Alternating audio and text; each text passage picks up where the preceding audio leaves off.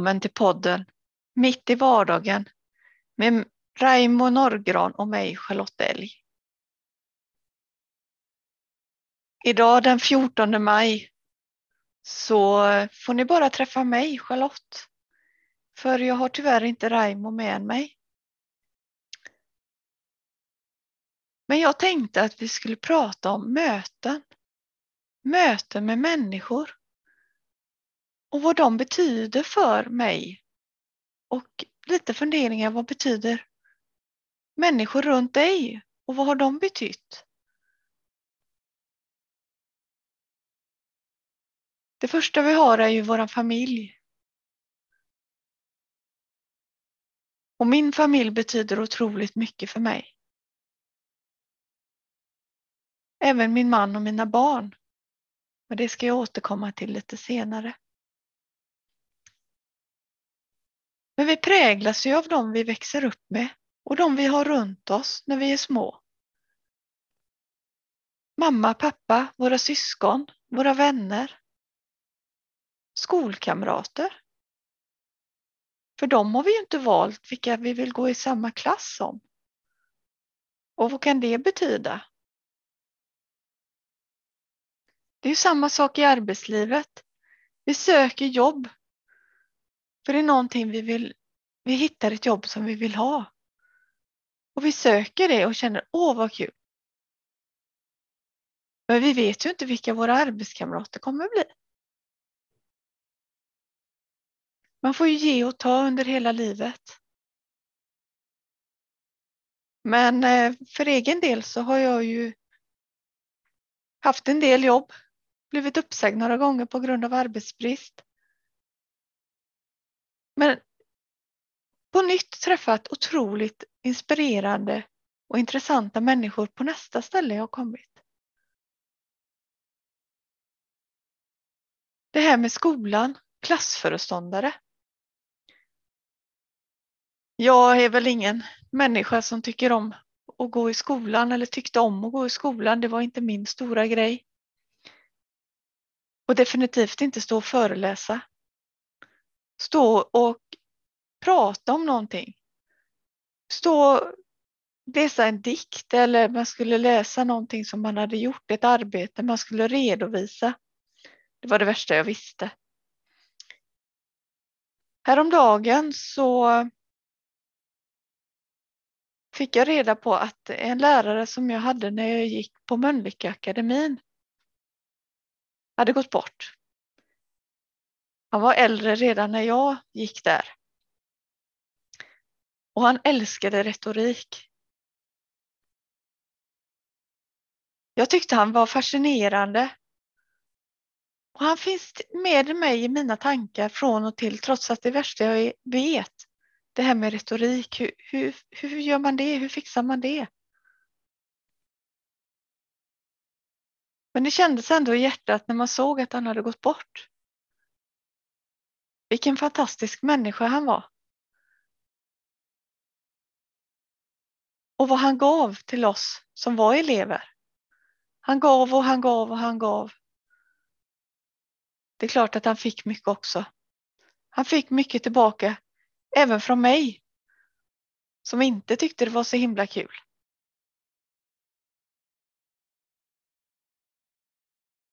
En annan sak, det här med lärare, klassföreståndare. För cirka tio år sedan fick jag för mig att det är nog lärare jag skulle plugga till. Nej, jag sätter mig inte tre år på högskolan. Jag gillar ju inte skolan. Men lärare skulle jag vilja bli. Men så gick det ett par år till och jag fick min diagnos Parkinson och jag kände att nej, jag ska inte läsa till lärare. Men då kom jag på att jag ville bli föreläsare. Mm. Stå framför människor. Vilket jag tycker är superroligt idag. Tänk vad man kan ändra sig. Och varför har det ändrat sig? Jo, jag tror att det beror på alla människor som jag har mött tidigare under mitt yrkesliv. Och så föreläsare så kan man ju också bidra med någonting. Jag kan bidra med min erfarenhet och min kunskap för att skapa trygghet. Med min resa med Parkinson och polyneuropati. Och se att det går att göra saker fast man har fått någonting. Det roligaste var här för några år sedan när jag var ute och övningskörde med min yngsta dotter. Så körde vi förbi ett hus och så sa jag till dottern. Sväng in här. Där bodde två av mina gamla klassföreståndare. Och eh, min pappa hade sagt det att hon hade frågat efter oss ibland, eller mig, och frågade vad jag gjorde på grund av att de umgicks. Eller träffades i alla fall i vissa situationer i samma umgängeskrets. Och vi satt där på deras altan, jag och min dotter. Jag kommer ihåg vi drack saft och eh, de frågade vad jag hade gjort i livet. Jag berättade lite vad jag hade gjort och sådär. Så tittar de på varandra och så säger de i kör. Vi trodde du skulle bli lärare. Va? Kunde ni inte sagt det för 30 år sedan? Det var rätt fascinerande. Hur de kunde se det redan när jag gick i grundskolan. Något som jag kom på när jag var 40 år. Ja, det tar tid för vissa att komma fram till vad man vill göra. Men skolan gick, gymnasiet kom. Jag tog studenten. Och då i början på 90-talet så var det väldigt ont om jobb i Sverige. Men jag fick jobb i äldrevården. Fantastiskt. Jag jobbade i äldrevården både där jag var uppväxt och även i Göteborg när jag flyttade dit. När jag flyttade till Angered. Och jag minns så väl en person som eh, var dement. Men eh, när jag tittade i personens vigselring och läste namnet på personens äkta hälft som tyvärr hade gått bort så berättade personen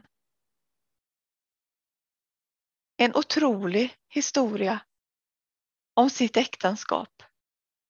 Helt klart kom vi ihåg varenda detalj. Men vad som hände just här och då och i nuet, det fanns inte. Det är ju någonting som etsat sig fast i mitt minne. Det är så otroligt starkt. Så otroligt starkt. Så att det kommer fram då och då nu också. Och har kommit med under åren också till mig. Att hur kan man hur kan man komma ihåg något så klart fast man inte vet vad man ens är idag? Och då sitta och lyssna på det här som 18-åring. Jag gick bara två år i gymnasiet. Det var fascinerande. Jag undrar om inte min resa och mitt intresse för andra människor startade där och då.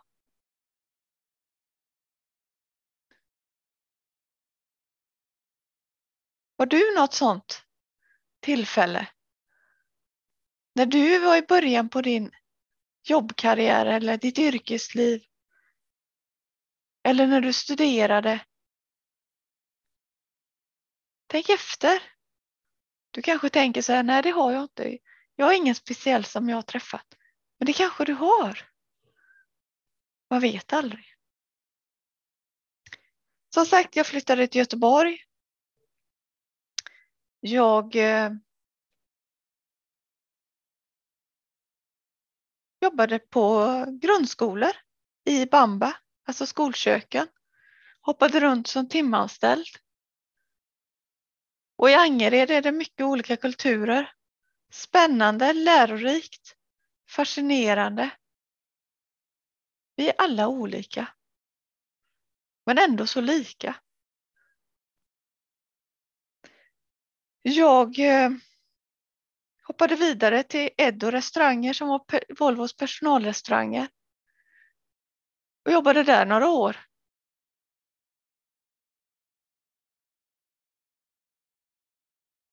Och eh, jag minns ett tillfälle under dessa åren. Jag eh, skulle stå i disken och diska. Och eh, det kom en eh, annan extra anställd personal. Så vi var två vikarier som skulle stå och diska. Och jag hälsade på personen och sen kände jag att jag kan inte jobba med henne. Fråga mig inte varför. Jag har ingen aning varför. Men det var någonting i kemin, någonting som jag kände. Så jag fick gå till chefen och säga jag klarar inte av att diska med henne. Men fråga mig inte varför. Tycker fortfarande det är en olustig känsla. För jag kan fortfarande känna den. För jag brukar inte ha svårt att närma mig andra människor. Så det var det är en av de märkligaste känslorna jag någonsin har haft.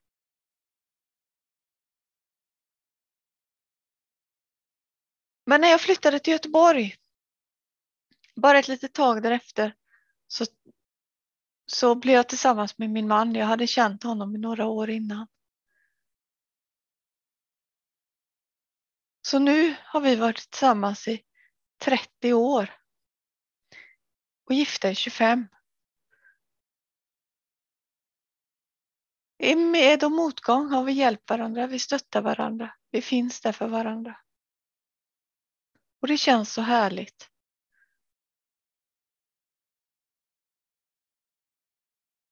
När jag hade jobbat ett tag där på personalrestaurangerna så fick vi vårt första barn.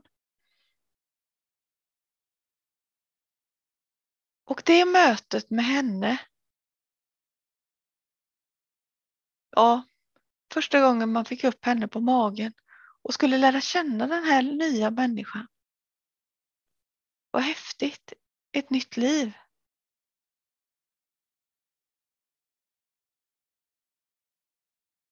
Två år senare fick vi vår andra dotter. Lika häftigt det. Och hur man som syskon, det ser jag ju också på mina syskon, hur olika vi är.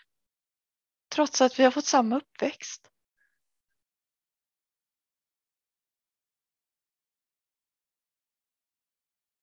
Och nu när jag själv har blivit mormor. Ja, det är så häftigt. att se den här lilla, lilla som är min, fast ändå inte närmast mig, men hon betyder så otroligt mycket.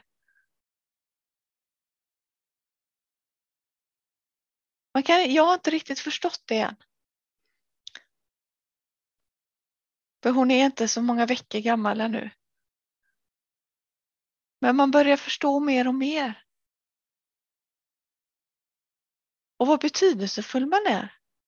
Som mormor, morfar, farmor och farfar.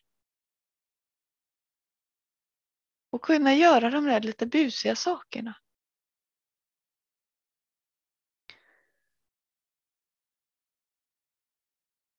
Men i yrkeslivet, vad är det då som har präglat mig?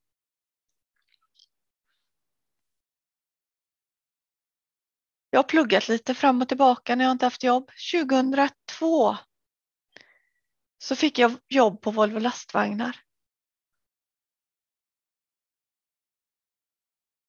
Och där träffade jag en man som hette Bjarne som har betytt och betyder så otroligt mycket för mig. Han är pensionär idag. Men han var en person som alltid när man liksom det var något man undrade, det var något man såg var fel. Och man stod på sig. Så fick jag alltid en klapp på axeln.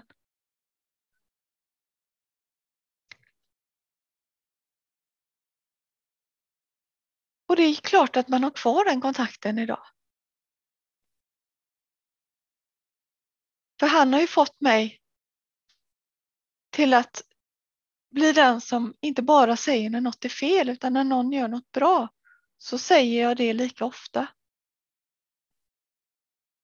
För varför är vi inte mer positiva till andra människor, vad de gör bra, vad de kan?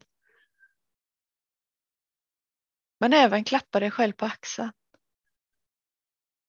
Hur ofta klappar du dig själv på axeln och säger shit vad stolt jag är. Det här gjorde jag bra. Själv gjorde jag en sak förra veckan som jag är väldigt stolt över. Och då klappade jag mig på axeln. Och jag kände mig så nöjd. För att jag vågade klappa mig på axeln och känna att jag är stolt.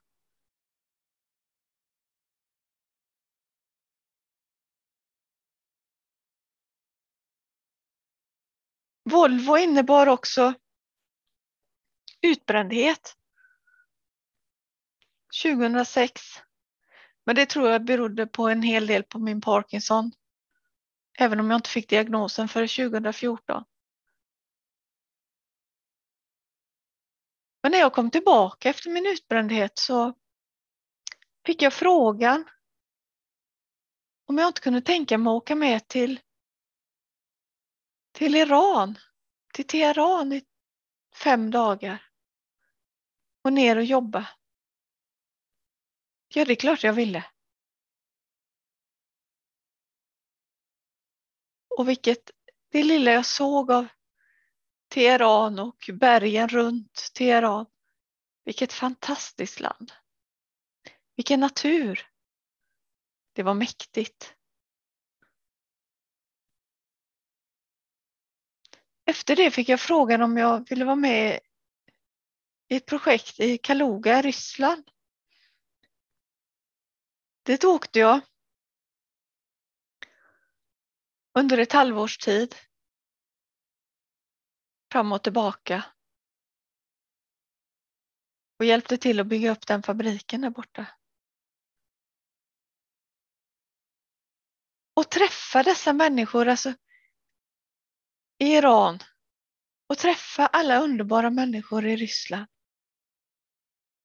Det var fantastiska människor jag mötte på båda ställena.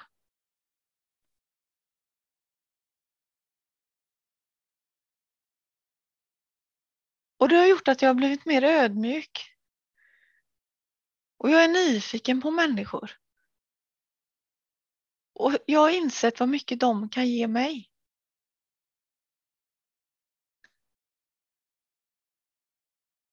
–2012 hoppade jag av Volvo och gav mig in i arbetsmarknadsutbildningarnas värld. Jag blev kurskoordinator på ett företag som utbildade buss, lastbil och taxichaufförer. Det var jag som var länken mellan Arbetsförmedlingen och eleverna. Vi hade kurser för nyanlända. För etableringen som gick på etableringen på Arbetsförmedlingen. Och det vilka fantastiska människor, jag säger det. Vad mycket jag har lärt mig av dem och vad mycket jag har kunnat lära ut tillbaka. Och hur vi tillsammans gjorde så att de klarade sina körkort i en ny kultur, i ett nytt land med ett nytt språk. Ja, det var en underbar tid när jag jobbade där. Och de här skiftningarna med de här olika människorna. Och se dem, deras lycka när de väl tog sitt körkort. Och det gällde ju alla elever.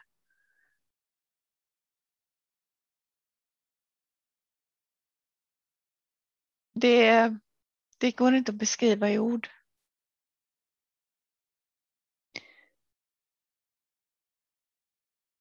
Sen eh, blev uppsagd därifrån och jobbade sedan ett tag på Arbetsförmedlingen innan jag fick gå i det stora varslet. Där träffade återigen fantastiska kollegor, fantastiska sökande. Ja, jag har haft en mångfald i mitt liv. Och jag har mycket kvar, många kvar att träffa och mycket mer att lära. Och alla dessa chefer och ledare som jag haft och träffat under mina år. Vissa bra, vissa mindre bra. Men den dagen jag fick min diagnos, Parkinson, den 1 september 2014, så hade jag en mycket bra chef. Hon stöttade mig.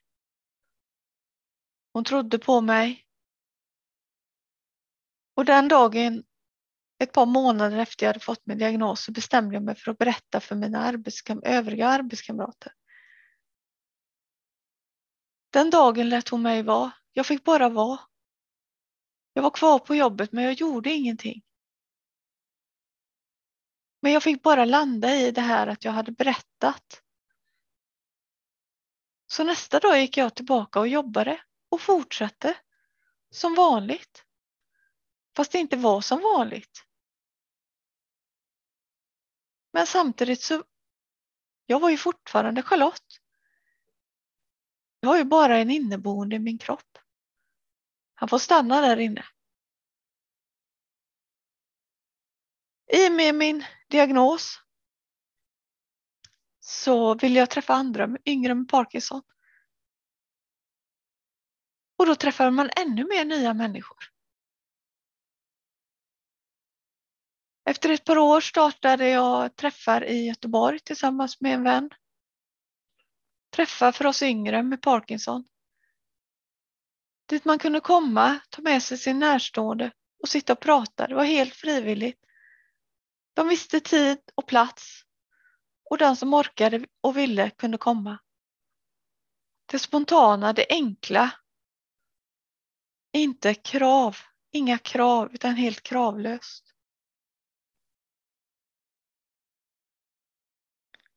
Och alla andra då som jag har mött. Cecilia som jag samarbetar med är ett exempel. Att jag blev sjuk i Parkinson gjorde att jag fick följa med till mänskliga rättighetsdagarna med Angereds närsjukhus både 2016 och 2019 och föreläsa med dem som patient.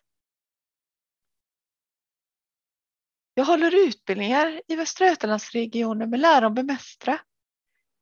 Fast vi är ju då på Angereds närsjukhus där jag tillhör. För andra med Parkinson. Och det är också häftiga möten man gör. Jag har varit på rehab på Treklöverhemmet i Ljungskile i tre veckor. Och där har jag Malin, Malin som kommer i ett kommande poddavsnitt och berättar om sin verksamhet och hur fantastiskt det är där. Och det kan jag verkligen intyga redan nu.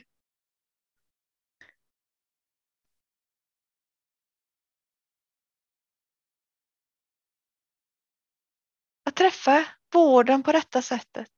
Mötena med vården. Mina möten med vården är helt fantastiska. Min läkare, mina sköterskor, mina logoped, min logoped, psykolog, fysioterapeut, arbetsterapeut. Ja, hela gänget nere på Angereds närsjukhus. Det gör att jag orkar mycket mer. Jag orkar kämpa. Förra sommaren så kom jag i kontakt med hälsopreparat. För jag hade lärt känna en man två år tidigare. Och idag mår jag ännu bättre, ännu starkare i mina ben. För jag har ju även fått diagnosen polyneuropati som är en muskelförtviningssjukdom. Men möter du mig idag så kan du inte se det på mig. Om jag är trött kan du se det på mig. Jag kanske går lite framåtlutad ibland. Då har jag tränat för dåligt. Men vad har alla dessa möten gett mig då med människor och framtidstro? Och det rika livet jag har idag med så mycket härliga människor runt omkring mig. Ja, det kan man ju fundera på. Och hur har det varit för dig? Och hur orkar du? Nej, tänker man tillbaka på alla människor man har träffat så påverkas man ju mer eller mindre av olika, olika människor. På olika sätt. Och vissa sitter fast i ens tankar och minne, kommer upp vid speciella tillfällen fast man kanske inte har träffat dem så mycket.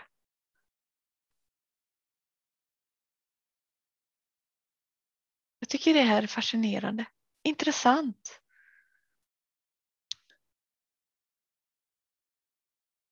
Det. Man kan tänka tillbaka på hur många människor som helst. Och hur, hur man har träffat människor och hur ödet har blivit att man har träffat människor. Ödet, eller var det meningen med det här?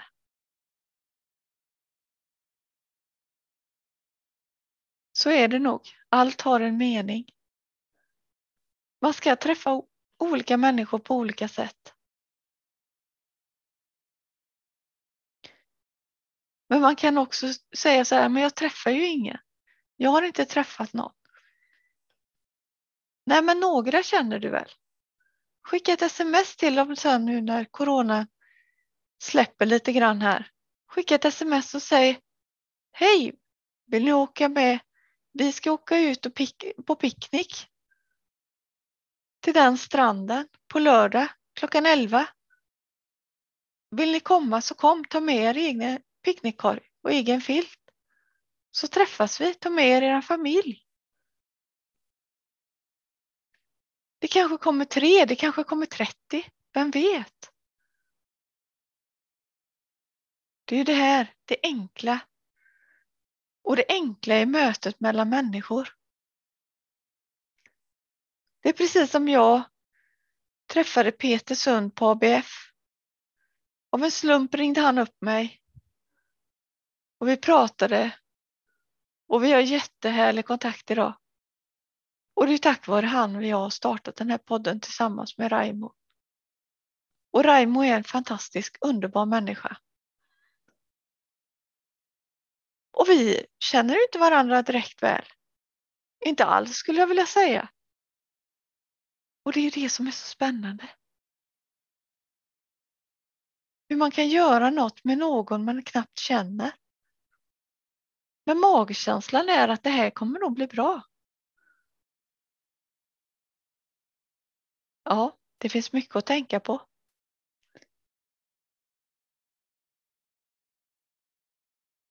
Så fundera lite, vad finns det för människor runt dig? Och nu i dessa tider, finns det någon du inte har pratat på länge? Lyft luren, skicka ett sms. Se om du hittar personen på Facebook, skicka ett messengermeddelande. Hur kul är det inte att få hej och kram?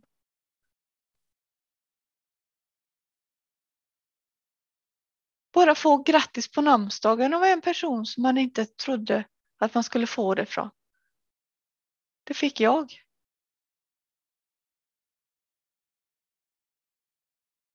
Det betyder så himla mycket.